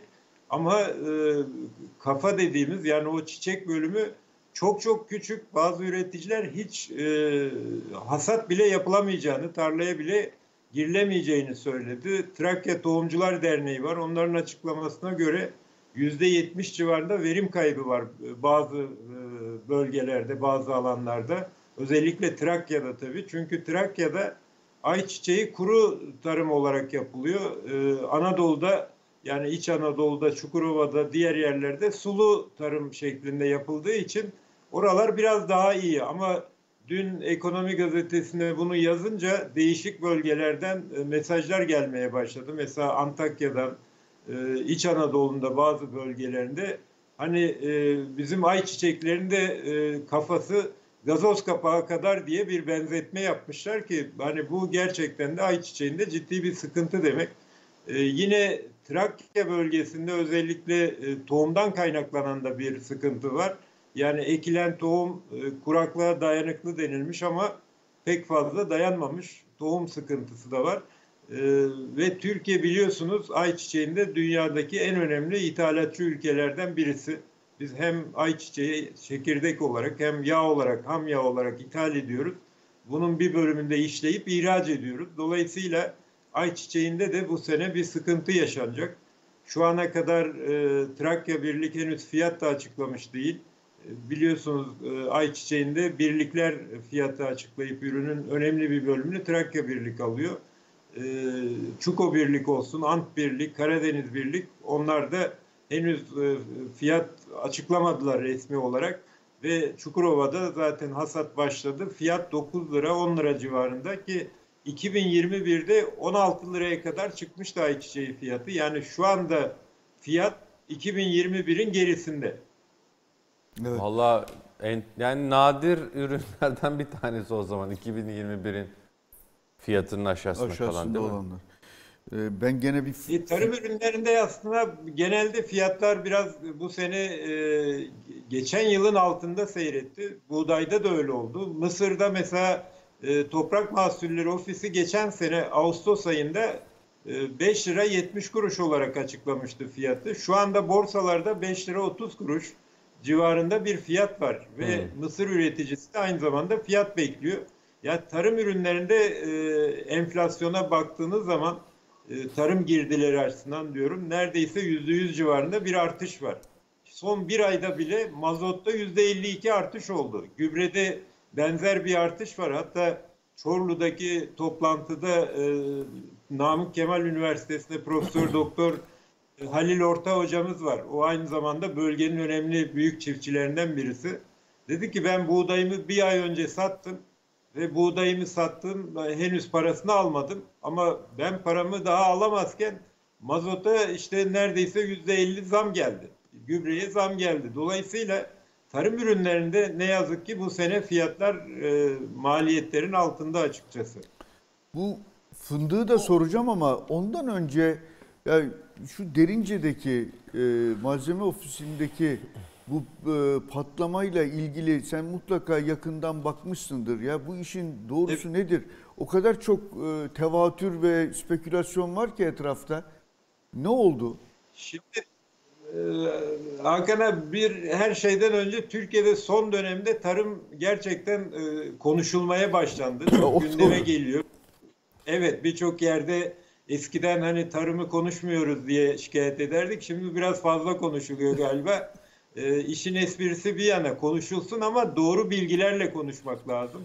Tabii Toprak Mahsulleri Ofisi'nin orada 60 tane silosu var. Ve en önemli e, stok yaptığı alanlardan birisi. Hem dışarıdan ithal ettiği buğdayı koyduğu hem içeriden buğdayı koyduğu bir depolama alanı. E, bu silolarda da tahıl tozu patlaması zaman zaman oluyor. Türkiye'de böyle bu derecede, bu büyüklükte bir patlama daha önce olmadığı için bir anda tabii herkes e, şaşırdı. Ama mesela Amerika'da daha sık e, yaşanıyordu. Çünkü Amerika'da çiftçiler büyük ve birçok çiftçinin siloları var. Hasadını yaptıktan sonra o buğdayını, ürününü götürüp siloya koyup bekletiyor. Uygun zamanda satıyor. Türkiye'de ise hasat yapılıyor, işte ofise satılıyor veya tüccara satılıyor. Oradan depolara gidiyor. Şimdi bu tahıl tozu e, patlamaları dediğim gibi Amerika'da hatta 1950'lerde hani 58 kişinin ölümüne neden olan bir e, patlama da var. E, burada tozu yani tahılın içindeki tozu mutlaka almak lazım. Bu işte eleyerek e, depolamak e, gerekir veya e, o tozu bir şekilde ortadan kaldırmak gerekiyor. Aksi takdirde çok tehlikeli gerçekten de. Hani e, şöyle bir elektriklenme oluyor öyle söyleyeyim. E, herkesin anlayacağı dille. Bazen e, ayağımızdaki lastik ayakkabıya göre bile hani karşımızdakinin elini sıkarız bir elektrik çarptı deriz. Bir elektriklenme oldu diye. Ona benzer bir durum. Bu şekilde o toz patlıyor ve çok şiddetli patlıyor. Tabii orada 95 bin tonluk bir kapasite var toplamda. Ama e, silolarda 50 bin ton civarında bir buğday vardı ve bunun da 13 e, tanesi e, hasar gördüğü için hani o biraz şimdi fotoğraflarda da görünüyor aslında çok az buğday dışarı çıkmış görünüyor. Yani ama medyada özellikle sosyal medyada şöyle yorumlar yapıldı. Yani Türkiye'nin 8 milyon ton buğdayı işte gitti Türkiye aç kalacak gibi bunlar bile yazıldı ki bu doğru değil dediğim gibi. Hatta patlama olur olmaz bana en çok sorulan soru bu buğday fiyatlarını nasıl etkiler diye. Ben de ya insanlar hani orada yaralılarımız var can derdindeyken fiyatı konuşmak doğru değil diye e, söylemiştim. Yani buradaki patlama e, önlem alınması gereken bir durum. eğer önlem alınmazsa bu tür patlamalar olur. dolayısıyla hani bu e, önlem alınırsa önlenebilir bir durum. Hakan abi sen çok güzel bir noktaya temas ettin. Ali Ekber abi de anlattı. Şimdi biz zaman zaman bu sosyal medyada yayılan ki Ali Ekber Yıldırım da ondan şikayet etti. Hani yani iş bambaşka yerlere tabii siyasileştiriliyor. Biri o tarafa çekiyor, diğeri başka tarafa çekiyor. Zaman zaman yine biz bu programda da bu İletişim Başkanlığı'nın dezenformasyonla mücadele merkezi diye Evet. bir biliyorsun Twitter hesabı var. Oradan bilgiler paylaşıyoruz. Ki bazen hani yanlış anlaşılmalar da gerçekten olabiliyor. Şimdi bu konuyla ilgili bir paylaşım var. İstersen Emre de hazırladı onu ekrana yansıtalım. Ee, Ali Ekber abinin aslında anlattıklarıyla çok paralel. Ee, Tarım ve Orman Bakanlığı'na bağlı Toprak Mahsulleri Ofisi'nin Derince Liman Silosu'nun toplam kapasitesi 95 bin tondur. Yani kapasite zaten buranın 95 bin tonmuş. Patlamanın meydana geldiği siloda hali hazırda 75 bin ton stok, bulunmaktaydı. Patlama sonrası ilk incelemelere göre bu stoğun yaklaşık %20'si zarar görmüştür. Dolayısıyla diyor 8 milyon ton stok ve silolar tamamen yok oldu iddiaları asılsızdır. Böyle bir şey yoktur. Ee, yani zaten diyor kapasite 95 bin ton, e, 75 bin tonu doluydu diyor. Bunun da yaklaşık %20'si zarar gördü. Yoksa işte yok 8 milyon ton yok oldu falan filan böyle bir şey yok e, diye efendim açıklama yapılmış. Ya, ya zaten herhalde bu 8 milyon tona ya hesap bilmiyorsun ya sayı saymasını bilmiyorsun diye bir şey söylenebilir. İyi etmişler ama zaten Ali Ekber Yıldırım burada o anlatıyor. Ee, Tabii, tabii. Zaten gerçekleri de ifade ediyor. Daha fazla kulak kabartmamız lazım ama ben bu fındığı sormak istiyorum. Yani çünkü orada bir rakam açıklandı şimdi. Giresun Evet. bildiğim kadarıyla 84 lira dendi. İşte onun çeşitli şeyleri var. Alt Ee, alt başlıkları işte var. Levant e, 82, e, Sivri 80, 80. falan gibi böyle e, bir takım rakamlar açıklandı. Hani bakınca o 3 dolar meselesini e, tutturmuş gibi gösteriyor, görünüyor hükümet. E, Cumhurbaşkanı da zaten açıkladığı için hani zaten iyi şeyleri daha çok o açıklıyor. Hani bu müjde gibi olanları e, Erdoğan açıklıyor. Öyle olduğu için sanki bu iyi bir rakam gibi geldi ama birçok da itiraz var. var var. 100, 100 lira olması lazım en az diyenler var. Nasıl değerlendiriyor acaba Ali Ekber Yıldırım? Şöyle fındık tabii Karadeniz bölgesinin e, neredeyse tek geçim kaynağı belli bölge e, iller için en azından yani bütün ekonomi fındık üzerinden dönüyor. Dolayısıyla fındık fiyatı sadece üreticiyi değil oradaki esnafı, tüccarı, sanayiciyi herkesi ilgilendiren e, bir ürün E, ve genelde de e, Hakan abinin dediği gibi fiyat eğer e, iyi ise Cumhurbaşkanı açıklıyor. Şeyse eğer fındık düş, fiyat düşükse o zaman bakan açıklıyor. Bazen basın bülteniyle bile açıklandığı oluyor. Ee, şimdi tabii e, geçen seneki fiyatlara baktığımızda geçen sene 52 liraydı. Bu sene e, Giresun kalite e, 84 lira. E, Giresun kalite dediğimiz e, diğer fındıklara göre e, daha iri, daha tombul ve e, aslında toplam üretimin e, yanılmıyorsam yüzde onu civarında ancak Giresun kalite fındık var. E, büyük bölümü Levant kalite veya sivri fındık dediğimiz e, üç çeşit. Cumhurbaşkanı genelde iki e, iki kategorideki fındık fiyatını açıklıyor. Geçen sene de öyle olmuştu. Levant kaliteyi e, 82 bin 82 buçuk olarak açıkladı. Sivri fındıkta Toprak Mahsulleri Ofisi dün açıkladı. O da 80 liradan alınacak. Tabii e, üreticilerin beklentisi evet 100 liraydı. Biraz önce hani dolar hesabı yaparken ya 50 lira mı olmalı diye. e, burada da üreticiler oradaki borsa işte manavlar e, söylediği şu yani fındık fiyatı şu anda belirleniyor. Evet 3 dolar ama yıl sonunda dolar ne olacak veya sezon sonunda fındık e, dolar 35-36 lira olursa o zaman 3 doların çok altına düşecek. Dolayısıyla hani en az bir 100 lira olmalı diye böyle bir e, beklenti vardı ama e, tabii 100 lira olmadı. E, sek- 84 lira ile 80 lira arasında. Tabii Türkiye dünyada fındıkta hem üretimde hem ihracatta ilk sırada. E, Türkiye için önemli bir döviz kaynağı. Yani yıllık ortalama 2 milyar doların üzerinde e, bazı seneler 2.8 milyar, 2.9 milyar dolarlık ihracat yapılırken bazen de e, 1.6 milyar dolara kadar düşüyor. Bu sene İtalya'da da yine kuraklık nedeniyle üretim çok fazla olmayacak. Yani e, genelde İtalya'nın üretimi 150 bin tonken bu sene 110 bin ton bekleniyor. E, Türkiye'nin de e, Uluslararası Sert Kabuklu Meyveler Konseyi'ne göre 810 bin tonluk bir üretim var denildi. Ama Tarım Bakanlığı'nın açıklaması da 750 bin e, ton civarında e, bir üretim bekleniyor. Kabuklu Evet. fındık olarak söylüyor. E, tabii fındık dediğim gibi bölge ekonomisi, ülke e, tarım ihracatı için de önemli bir ürün.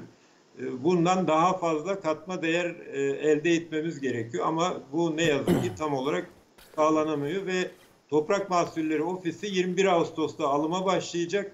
E, piyasada tabii fiyatlar bunun altına e, düşer mutlaka çünkü alıcılar da özellikle yine bizde bugün e, Veysel Ağdar arkadaşımızın haberi de var. E, ya finansman konusu çok ciddi bir problem. Bu bütün tarım ürünlerinde böyle. Yani bir ürünü almak için kredi e, para gerekiyor. O parayı bulmak e, sıkıntı. Dolayısıyla e, fiyatlar hani piyasada yukarıda tutulabilirse üretici para kazanabilir ama fındıkta biliyorsunuz iki tür üretici var. Birisi e, gurbetçi dediğimiz işte İstanbul'da, Ankara, İzmir'de yaşayan hatta yurt dışında yaşayan onlar şimdi bu dönemde e, e, memleketine gidip fındığı toplayıp bir an önce satıp e, tekrar dönmek istiyorlar. Onların bu yoğun satışı döneminde fiyatlar biraz daha aşağı doğru iniyor. Ama daha sonra tekrar toparlanıyor. Bakalım bu senede ofisin alım durumuna göre piyasa şekillenecek. Her Yıldırım sen anlatırken işte dolar yerinde durmuyor. Fındığın fiyatını biz şimdiden açıklıyoruz diye. Biliyorsun asgari ücretli yılda iki defa e, zam yapar hale geldik. Fındıkta da artık yılda iki defa fiyat açıklanır olsa herhalde iyi olur. Bir, iki, burada e, Veysel Ağdar'ın haberinde e, siz de atıf yaptınız. Altınordu Ziraat Odası Başkanı Atakan Akça'nın açıklaması var. O da diyor ki geçen yıl resmi rakamlara göre işçi yevmiyesi 216 liraydı. Bu yıl diyor 448 lira. Benim de akrabalarım var Ordu'da. Fındık top, henüz toplamıyorlar ama yemiye fiyatları günlük 700 liraymış Hakan abi. Yani benim de bu resmi rakamsa e, benim duyduğum birebir 700 lira günlük fındık toplama. Doğrudur. Aslında en önemli maliyetlerden birisi fındıkta toplama maliyeti. Özellikle Ordu, Giresun gibi hani dağlık bölgede fındıklar var orada. Orada toplamak daha da zor. Hani e, Batı Karadeniz'de daha kolay kısmen.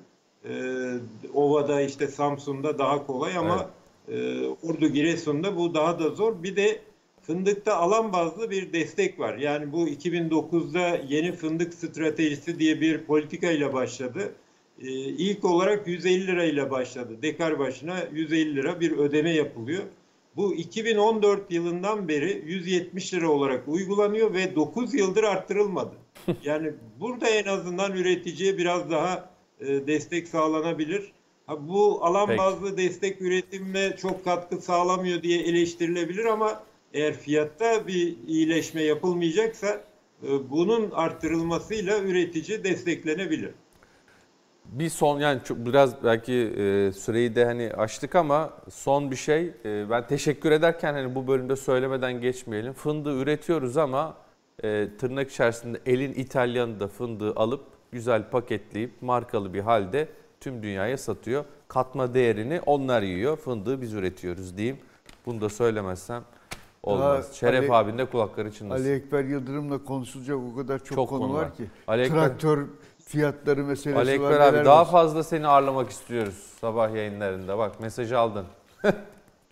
tamam. Çok teşekkürler. İyi günler diliyoruz. Sağ olun. Ben teşekkür ederim. İyi yayınlar. Görüşmek üzere. Peki, Sağ olun. Selam ve sevgiler. Ee, birazdan Nevzat Saygılıoğlu ile hemen bağlanacağız. Evet, tamam. Sevgili Erol bizde olacak. Hakikaten programımız oldukça yoğun. Şöyle köşe yazılarından bugün e, yine Şeref abinin yazısı e, merkezin yol haritası bizi rasyonele vardırır mı diye yazmış. Evet. Ee, ya tamam yol haritamız belli, işte rotamız belli de pusula diyor lazım. Pusulaya da ihtiyacımız var. Ve pusulanın doğru yerden eee, ne diyelim etkileniyor olması lazım. hani pusulanın yönü böyle bazen oynar ya e, Hakan abi. Öyle. O etkiyi diyor hani e, rasyonelden alması lazım gibi bir mesajı var. Yine hiçbir uçak havada kalmaz. Önemli olan yere nasıl indiğidir demiş. sevgili Şeref abi. Ee, Alaaddin Aktaş'ın yazısı ağır ağır çıkacaksın bu merdivenlerden. Abi sen Bu- bu ekonomi gazetesinde ne yapıyorsunuz? Yani bir edebiyat her gün bir edebiyat var gazetede. Yani Alaaddin Aktaş yazıyor. Yazarlar böyle olunca Vallahi Şeref Oğuz'da bir şey Evet. var. Geçen gün e, Faruk güçlü kalemler. Evet dün değil mi Faruk Türkoğlu. Türkoğlu'nun tabii. yazısında yine Tabii, vardı tabii. Yunus Emre'den. Ee, Ahmet Haşim'in e, şiiri ağır ağır çıkacaksın bu merdivenlerden. Grafiği de var. Dolar TL için. Yani merdiven merdiven çıkıyoruz demiş Alaaddin Aktaş. Geçmişte diyor yaptıklarımızla benzer şeyleri yaparsak e, yani aynı şeyleri yap- yapıp geçmişte kötü şeyler, kötü sonuçlar elde etmiştik. Şimdi onları tekrar edersek iyi şeyler çıkmaz diyor. Bilmiyorum Evet. ne dersin? İşte bu kademeli meselesi hakikaten problem. Her yerde kademeli. Evet her yerde kademeli. Ha, yok şeyde biliyorsun orada kademe yok. Orada bodoslama var. Vergiyi getirmede vesairede filan. Orada Alaoğlu'nun deyimiyle bodoslama gidiyoruz ama Politika burada faizi kademeli. evet mesela dün bu Kur konu kademeli. gündeme geldi. Nerede? Ee, gene bizim İzmir'deki Hmm. toplantıda de, dedik ki hatta ben de sordum belki onu bir anket sorusu da yapıp izleyenlerimize de sormamız lazım. Ee, soru şuydu yani daha doğrusu konuşulan şey şuydu. Ya bu işte hızlı arttırılsa daha mı iyi olur yoksa böyle mi Hı. daha böyle kademeli gidişi nasıl görüyorsunuz falan gibi. Abi çoğunluğun cevabı şuydu. Ya böyle her gün ölüyoruz. Yani bir kere ne olacaksa olsun. Öleceksek. Evet belki bazı firmalar gerçekten ama böyle her gün ölüyoruz.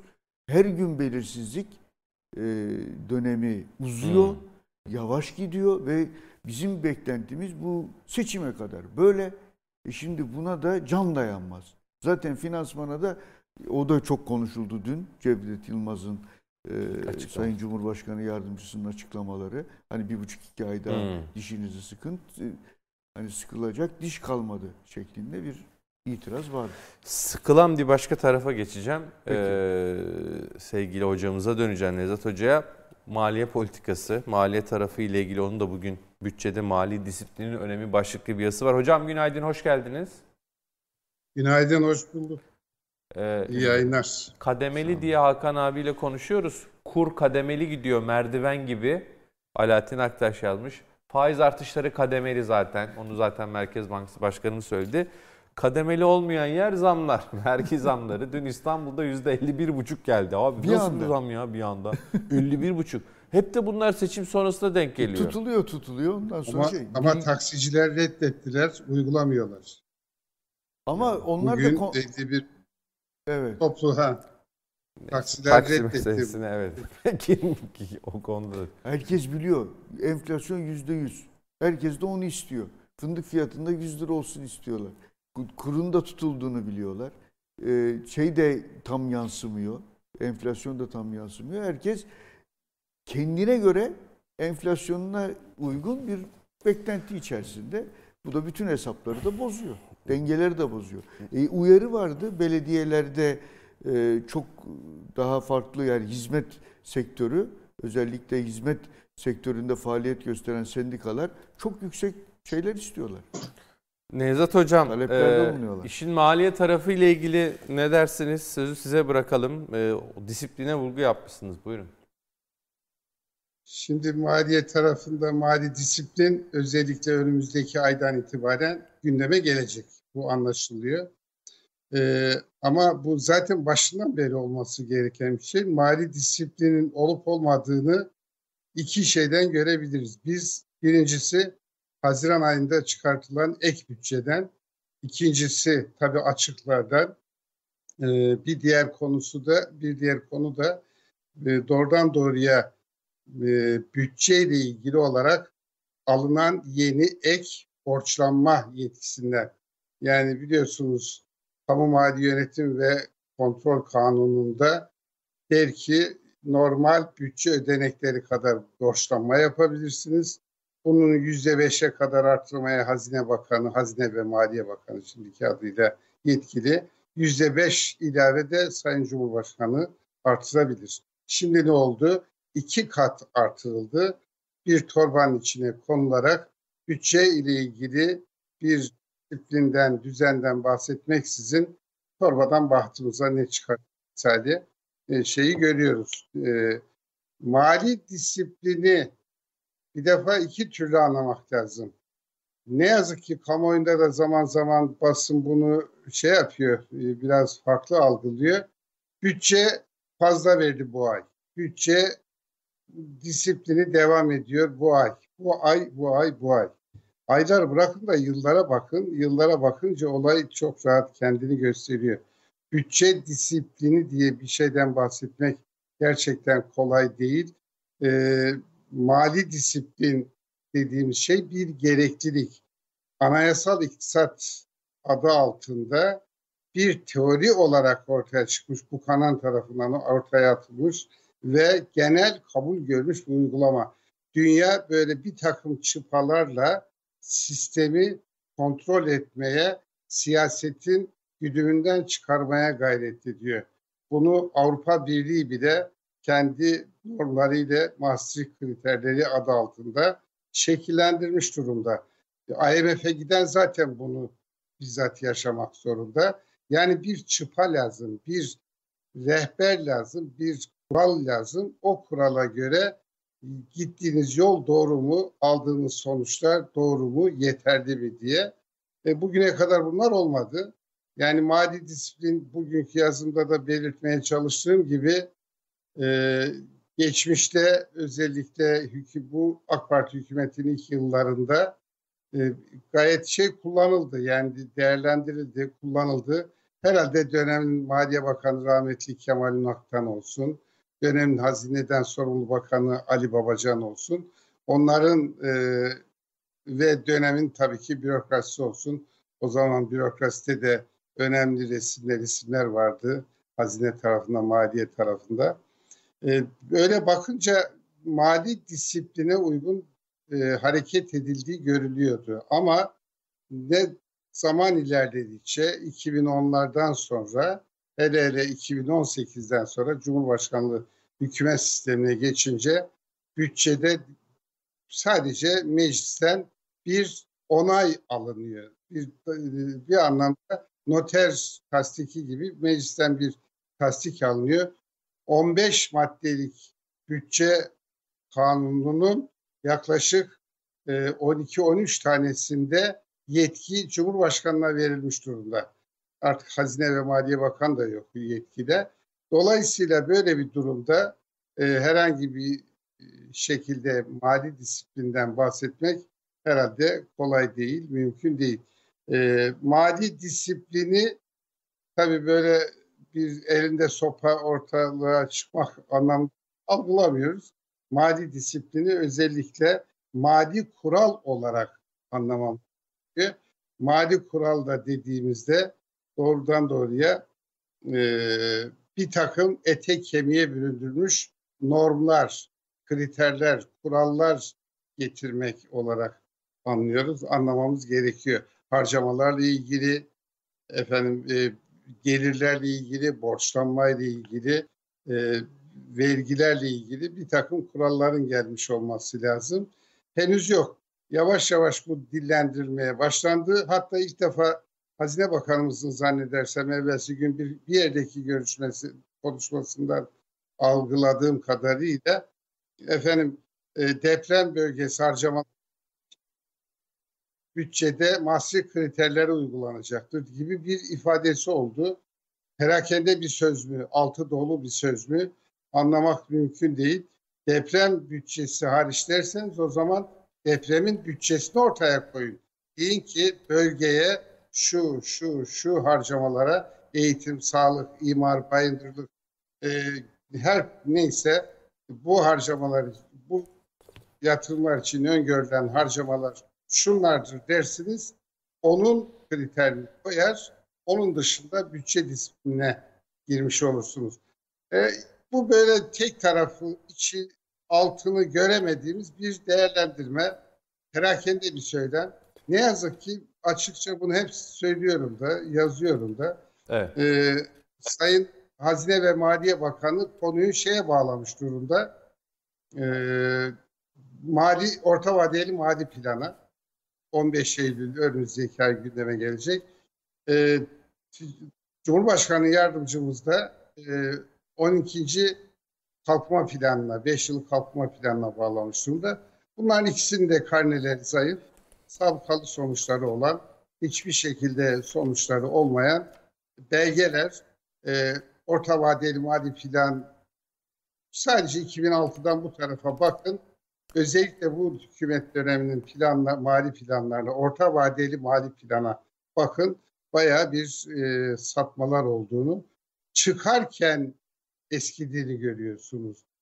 Dolayısıyla e, yani konu uzun bir konu ama e, konunun dile getirilmesi en azından unutulmuş bir terminolojinin uygulamaya konulması anlamındaki çabanın takdir edilmesi gerektiğini söylemek lazım. Ee, değerli hocam çok teşekkür ederiz. Ee, süremiz e, maalesef biraz sınırlı bir bağlantımız daha var. Hatta 5 e, dakikamız kaldı ama şunu söyleyelim belki bir sonraki programa sözleşmek için dün Sayın Cevdet Yılmaz'ın da vergi reformu konusunda açıklamaları vardı. E, diyor ki işveren ve işçi kesiminin doğrudan vergilerin artması dolaylı vergilerin ise azalması yönünde ortak talebini kendisinin desteklediğini söyledi. Bu da e, önümüzdeki dönemde bu vergi reformu böyle bir çalışma olabileceği konusunda akıllara bazı başlıkları getirdi. Konuşuruz bunda inşallah. Konuşuruz. Yani bu emlak vergisi gündemde onun çalışmaları var anlaşılıyor. Hocamdan onlarla ilgili de biraz bilgi ve yorum Rica almaya ederiz. çalışırız. Nevzat Hocam çok teşekkür ederiz. Ben teşekkür ediyorum. Size iyi yayınlar diliyorum. Kolaylıklar Sağ olun dileriz. hocam. Aklınıza sağlık. Çok Sağ teşekkürler. Ee, Hakan abi şimdi şöyle Nevzat Hocam'ın tabii yazısı önemliydi. Emre Alkin de bugün kronikleşen rezerv sorununu yazmış. Evet. Ee, Emre Hoca e, Merkez Bankası'nın rezerviyle ilgili. Oradaki ya bir dönem iyileşme gördük. Ee, Merkez Bankası rezervleri topladı ama bu kalıcı olmadı yani devam etmedi. İşte kurda Alaaddin Aktaş'ın yazısı var bu merdiven hikayesi. Ee, burada diyor yani e, pek diyor hani e, doğru hareket etmiyoruz gibi bir mesaj var. Yani eski şeyler, alışkanlıklar devam ediyor gibi görünüyor.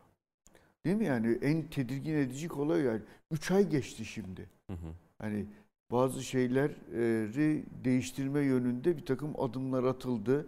Onların peş peşe bazı uygulamalarını da gördük. Ama mesela ne dendi? Hatta seninle epey konuştuk. Ya biz herhangi bir şekilde arka kapıdan satış politikasını uygulamayacağız. Bunu enflasyon raporunda da e, bu söylendi. E, yani bu da olumlu da bulundu piyasa tarafından. Ama şimdi herkes diyor ki ya bu gene var, devam ediyor diyor. Yani Hakan Karahoca da yazmıştı geçen gün. Yani şimdi e, tamam hiç müdahale edilmeyecek diye bir şey söylemediler. Hatta Sayın Erkan e, Merkez Bankası Başkanı zaman zaman bunu da yaparız dedi ama bu şimdi bir politika tercihiymiş işte gibi o, devam ediyor. Sıkıntı o. Yani Alaaddin Aktaş'ın tablosu çok net. Evet. Yani tak böyle merdivenler ağır ağır çıkıyorsun merdivenleri. Demek ki bir farklı kontrol var diye bakıyorsun üstünde. Peki sevgili Erol'a dönelim izninle. Ee, Yatırım Çok iyi Finansman Baş Ekonomisti. Erol günaydın, hoş geldin. Günaydın, hoş bulduk. İyi yayınlar. Çok teşekkür ederiz. Ee, şöyle bir genel piyasa yorumuyla e, dünden bugüne alalım ve bu haftanın belki gündemini birlikte konuşalım seninle. Biraz borsada dün satış vardı. %0.8'e yakın. Kur böyle hemen 27'nin üzerinde ama çok fazla işte kopup gitmiyor o seviyelerden. Ee, senin değerlendirmen nasıl? Ee, hem dünden hem de bugünün hikayesi başlıklar sende. Ee, küresel tarafta bu hafta aslında Çin tarafını biraz fazlaca konuşuyoruz. Önce e, dış ticaret verileri tarafı zayıf geldi. Hem ihracat tarafı hem de ithalat tarafı e, çift tane seviyelerde e, daralma kaydetti. Bu sabah itibariyle Çin tarafında enflasyon rakamları geldi ve yine bu tarafa da iki yıl sonra TÜFE tarafında yıllık bazda eksiye geçildiğini görüyoruz. Her ne kadar piyasa beklentilerinden sınırlı olsa daha iyi rakam gelmiş olsa da TÜFE tarafında e, burada iki yıl sonra eksi bir yıllık rakamla karşılaştık.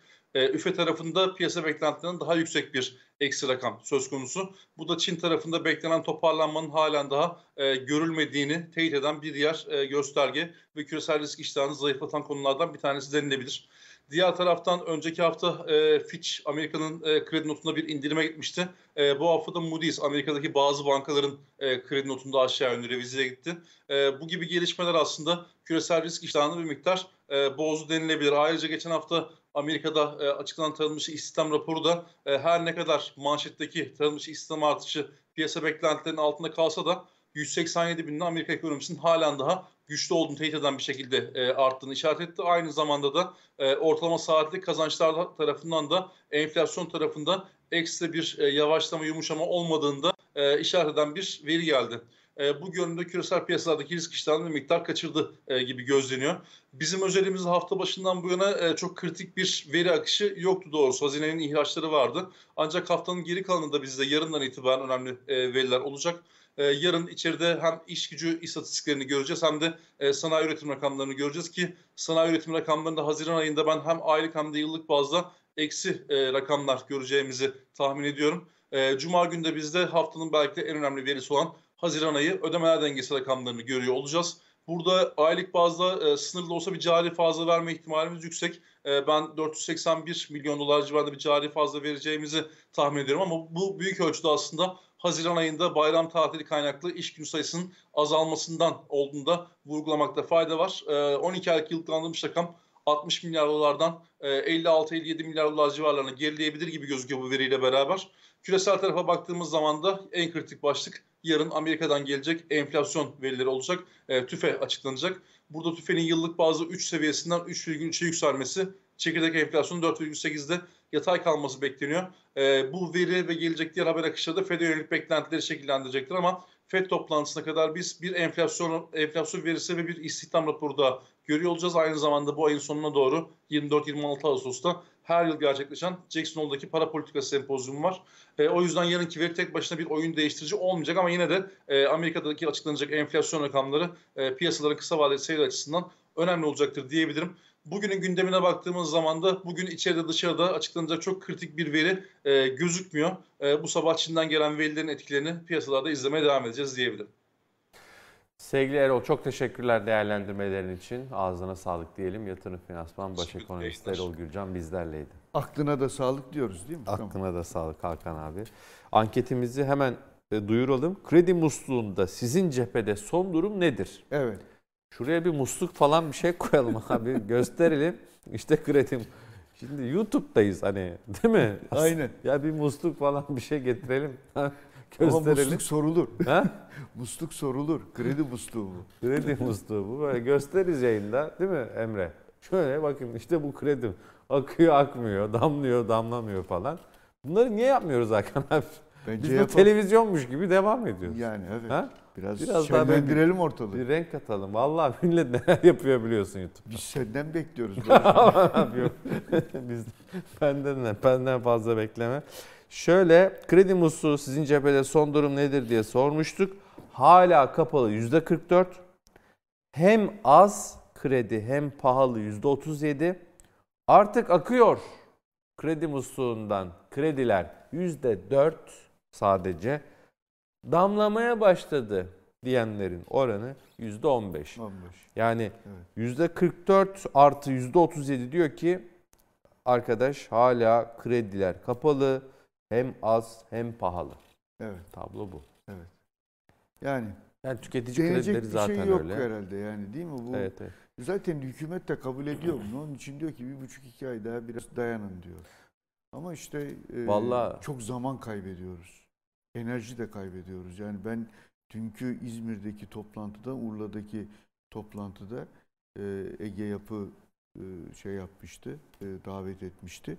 Orada Ege İhracatçı Birliklerinin başkanlarının da olduğu toplantıda biz e, zaman kaybediyoruz hı hı. fikrini edindim. Yani bir biraz daha hızlanılması gerektiği bekleniyor. Onun için bu 24 Ağustos gerçekten kritik bir tarih gibi görünüyor. Ya çok iki başlığı söyleyip kapatacağım. İki tane yani önemli. Hazır giyim, ayakkabı. Şimdi burada evet. hakikaten sıkıntı her gün Yener'in bir haber değil mi? Evet. E, var. Yerli zincir bile üretimi uzak doğuya kaydırdı. Hakan abi. E, Hüseyin Öztürk söylemiş. Yerli zincir markalar Ee, çok ilginç. Uzak Yıllardır doğudan. bu konuda. Sen de söylüyordun ayakkabıda mesela yurt dışından alıyor getiriyor daha ucuz diye. Çok Doğru. ünlü bildiğimiz zincir Ama yani gerçekten geleneksel sektörümüz bu bizim. Yani bu bizim %60'daymış ithalat kapasite. yani ithalatın ihracattan daha fazla olabileceği bir sektör değil ya. Ya burada bir dengesizlik olduğu çok açık. Evet, e, ayakkabıda %60'a inmiş. Hatta 60'ın altındaymış kapasite kullanımı Türkiye'de. Ya Çok teşekkürler Hakan ben teşekkür ederim. Ağzına sağlık. Güzel bir e, gün olsun izleyicilerimize de çok teşekkür ediyoruz. Mesajlarınızı okuyoruz. Çok sağ olun.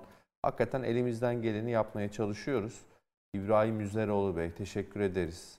E, Hala Hanım çok teşekkürler. Doğru haberciliğinizden. Yani zaten hani Sağ olsunlar. Evet. Yani Hakan abi beni zaten yıllardır tanıyorsunuz. E gazetenin zaten düsturu değil mi? Ekonomi yazdıysa doğrudur. E, biz de burada konuştuysak doğrudur. Yalan haberi, yanlı haberi e, sırf hani eleştirmek için bir yere çekip eğip bükme, bükmediğimiz bir ortam. Aynen. Doğru haberi de aktarıyoruz. Ee, O zaman seviyorlarsa abone olmayı da unutmasınlar diyeyim. evet evet. Ekonomi e, nasıl bir ekonomi TV'ye abone olmayı da unutmayın diyelim. Yarın buluşmak üzere efendim. Allah'a. Sevgilerle.